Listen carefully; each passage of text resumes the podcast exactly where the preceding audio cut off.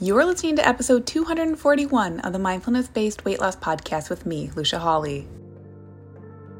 Welcome to the Mindfulness Based Weight Loss Podcast, the show for women like you who have tried restrictive diet after diet and are ready for simple, thoughtful solutions to help you sustainably lose weight for the last time from a place of abundance and peace. If you're looking to end the yo yo of comfort eating and rigid weight loss protocols and instead step into living your life mindfully on your terms while losing weight in the process, you're in the right place. Party people, party people, party people. Welcome to the show. really, really pleased you are here.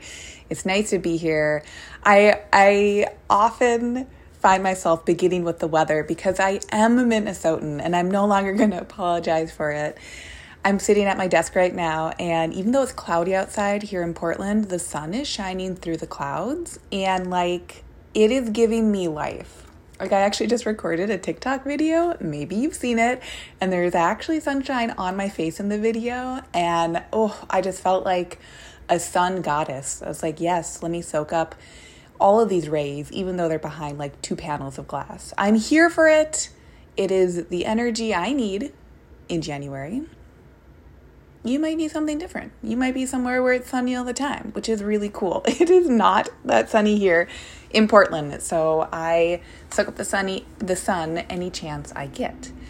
Today's episode has kind of an intense title, but I think we need to go here and of course, as always, I'm not a licensed medical practitioner. I am not a licensed mental health practitioner.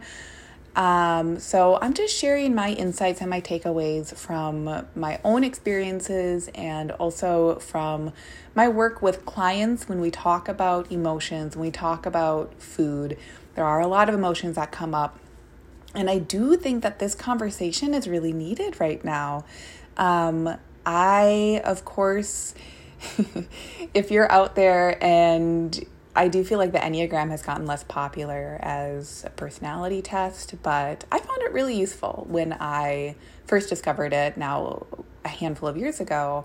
I'm an Enneagram type 9, so I'm the peacemaker. I don't actually love ruffling feathers, but I'm also from the four tendencies or the, the Gretchen Rubin's framework, I am completely a questioner.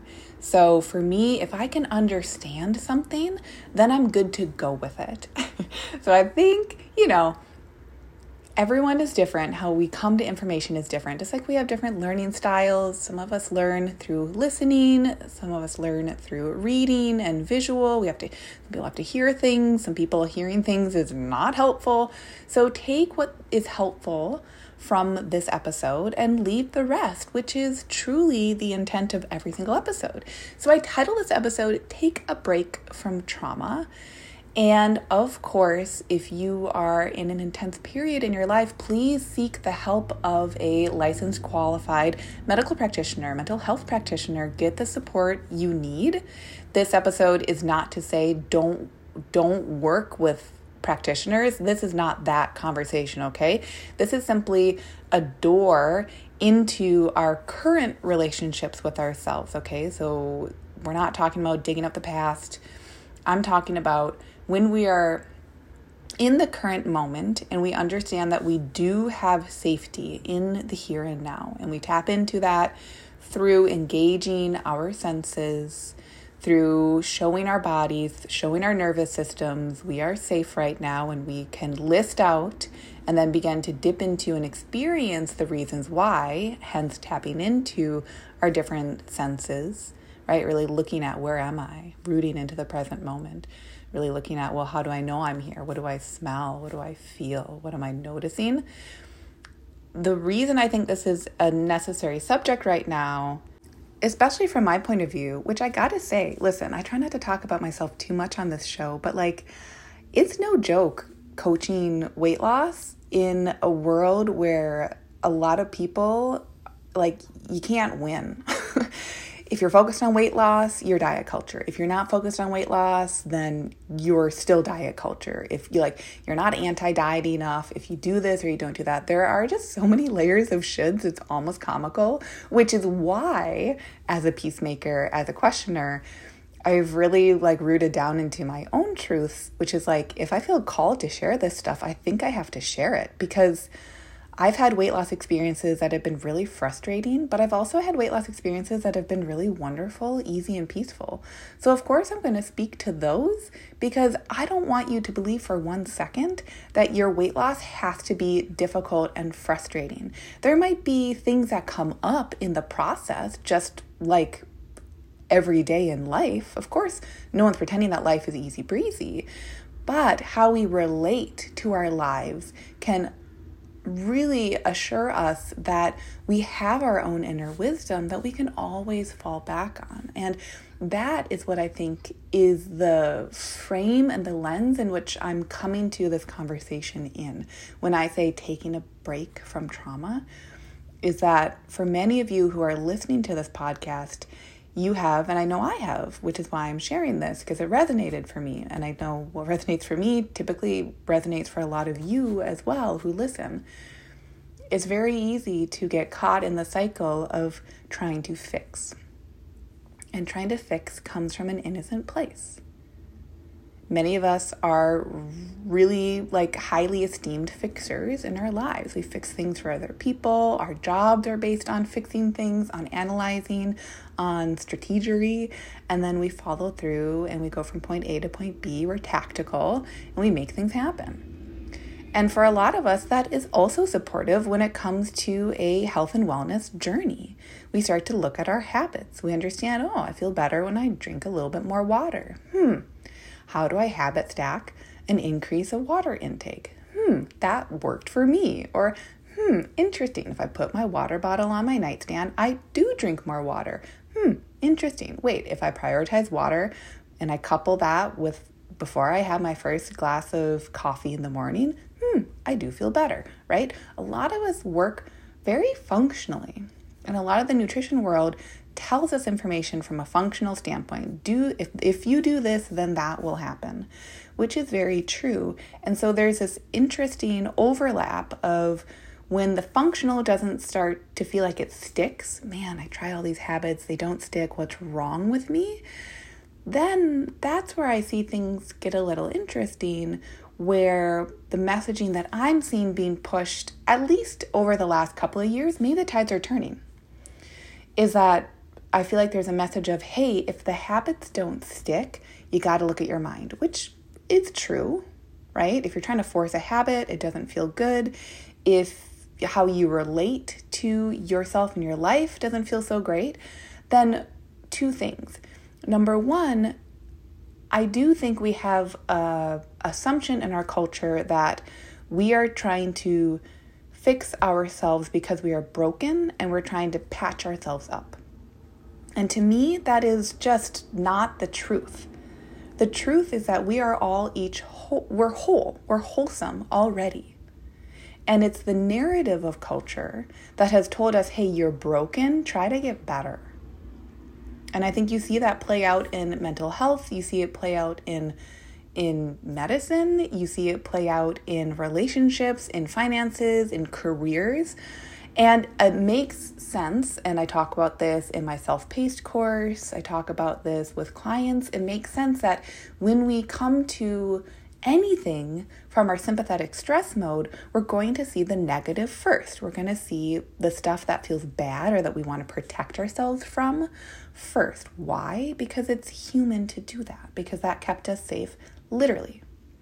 But now we're in these amazing times where, for the most part, are the things we need to stay safe from are actually chronic stressors, for better or for worse. Chronic having enough money to get through life, chronic having interesting and multiple emotional relationships that we're navigating, chronic um, career building, chronic business building stressors. It's not the chronic, is there a tiger hiding behind the house that I need to be worried about every single day? It's not the chronic, is there enough food, even though, of course, food scarcity is a huge issue in America. Typically, for the audience that I'm speaking to here, food scarcity is not a current issue. Okay, so I do speak from that lens on this show for the most part. So, because we have these chronic stressors in our lives, I think a lot of us feel like, and again, this comes from our sympathetic mode, there's something that we can fix about them. And if we could just fix them, then we wouldn't feel, we kind of take them personally, we wouldn't feel so broken ourselves. We personalize chronic stress. And then it just seems like we culturally layer in this huge focus on trauma. And like I said in the beginning, if you are having struggles in the moment with trauma, please reach out to a licensed medical professional who can get you support because this conversation is not about those types of crises. What this conversation is about is trying to think yourself out of stress. And having a hyperfixation on drilling down into why why you are doing the things you're doing, what I find from a cultural standpoint is that a lot of times we're kind of like circling and chasing our tails when it comes to a trauma conversation and trauma from that cultural standpoint. I just see a lot of people who talk about being trauma informed, and that's wonderful, okay? Again, peacemaker here, have a background in social work I have my my master's in clinical mental health. I have my bachelor's in psychology. Listen, I love to make sure that we are creating spaces that do feel uh, reassuring and comforting and safe and are non-oppressive for others. Okay, so understand this is a nuanced conversation. And as a peacemaker, it takes me a little bit to like like I'm just trying to set the stage here, okay? Clearly this episode might rub some people the wrong way and that's cool too. That's just going to be what it you know, it will be what it will be. But when I say take a break from trauma, what I'm offering to you this week is taking a break from the hyperfixation of trying to think your way out of what has happened in your life and what might happen in your life. Because when we are focused on the past and trying to nitpick, solve, and fix, when we practice that, we are not practicing being in the current moment. Just like when we practice thinking about, stressing about, and um, being nervous about or anxious about the future, of course our brains are going to tell us the lullaby. Hey of course it's better to think about the future. You gotta nothing's going to happen unless you make it happen. You're not going to save enough money unless you stress about it now. Like all these things versus what i'm trying to share with you today is that your inner wisdom is here to take care of you. And there's a difference between that inner wisdom of the quietude of it offering you thoughts and goodness there's a difference between those insights and I'm going to kind of call it like the false lullaby of the sympathetic stress mode insights that keep you focused on the past and the future. That's what I mean when I say take a break from trauma. If you've been trying to be really diligent about living your best life and fixing yourself up, and you're seeing messaging around figuring yourself out, right? Like, well, and man, I see this so much on TikTok, I see it on Instagram, I see it. I think I just see it for a lot of people in like my my current age bracket, but again, I think every age bracket, we're always going through different life transitions. So, kind of anyone who's in a life transition, whether that, like, there are just so many, I don't even need to lift them out. But if you're in a life transition, it makes a lot of sense that your brain is going to want to default to thinking about the past or thinking about the future. Why? Because it's it can't predict a transition that it's in. So it's going to go to things that will make it feel like it's being safe and taking care of itself, right? Which is thinking about the past and thinking about the future versus being in the here and now. But if we're not aware that we're thinking about the past a lot and we're trying to think our way out of feelings, then I'm pretty hard pressed to believe that that is how we get to the loveliness of the current moment. So, this episode for you this week, it might not seem super tied into food and nutrition, but notice, just notice, are there storylines? Am I having visuals of what I should or shouldn't be doing, comparing myself to the past, noticing different things that people have said to me in the past that I am internalizing or that I am really looping in my head a lot?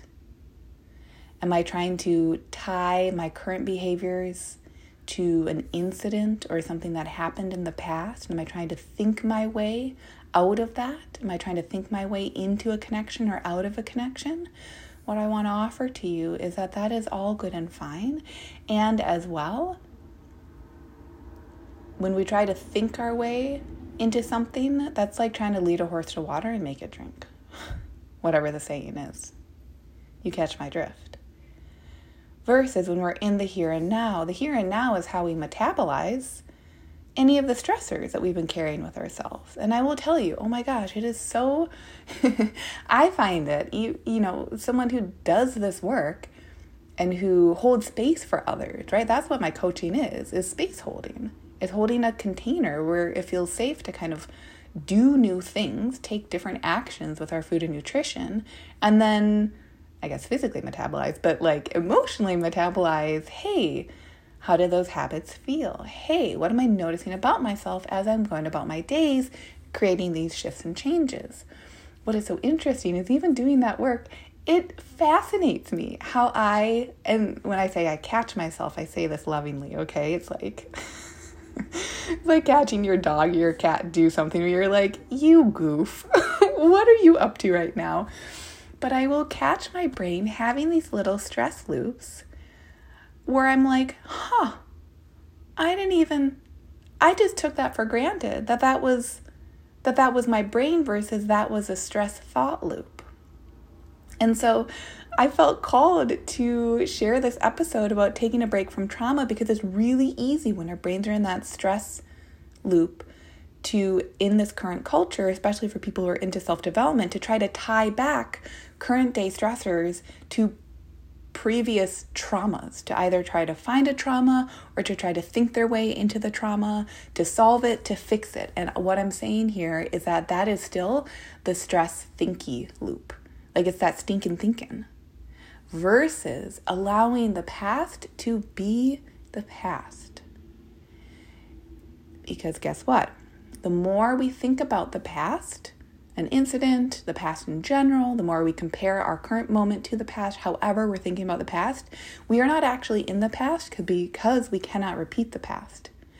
And I think our the lullaby of our thoughts can we can assume that by thinking about the past, by trying to quote unquote figure out the past, that we are redoing the past, but we're not.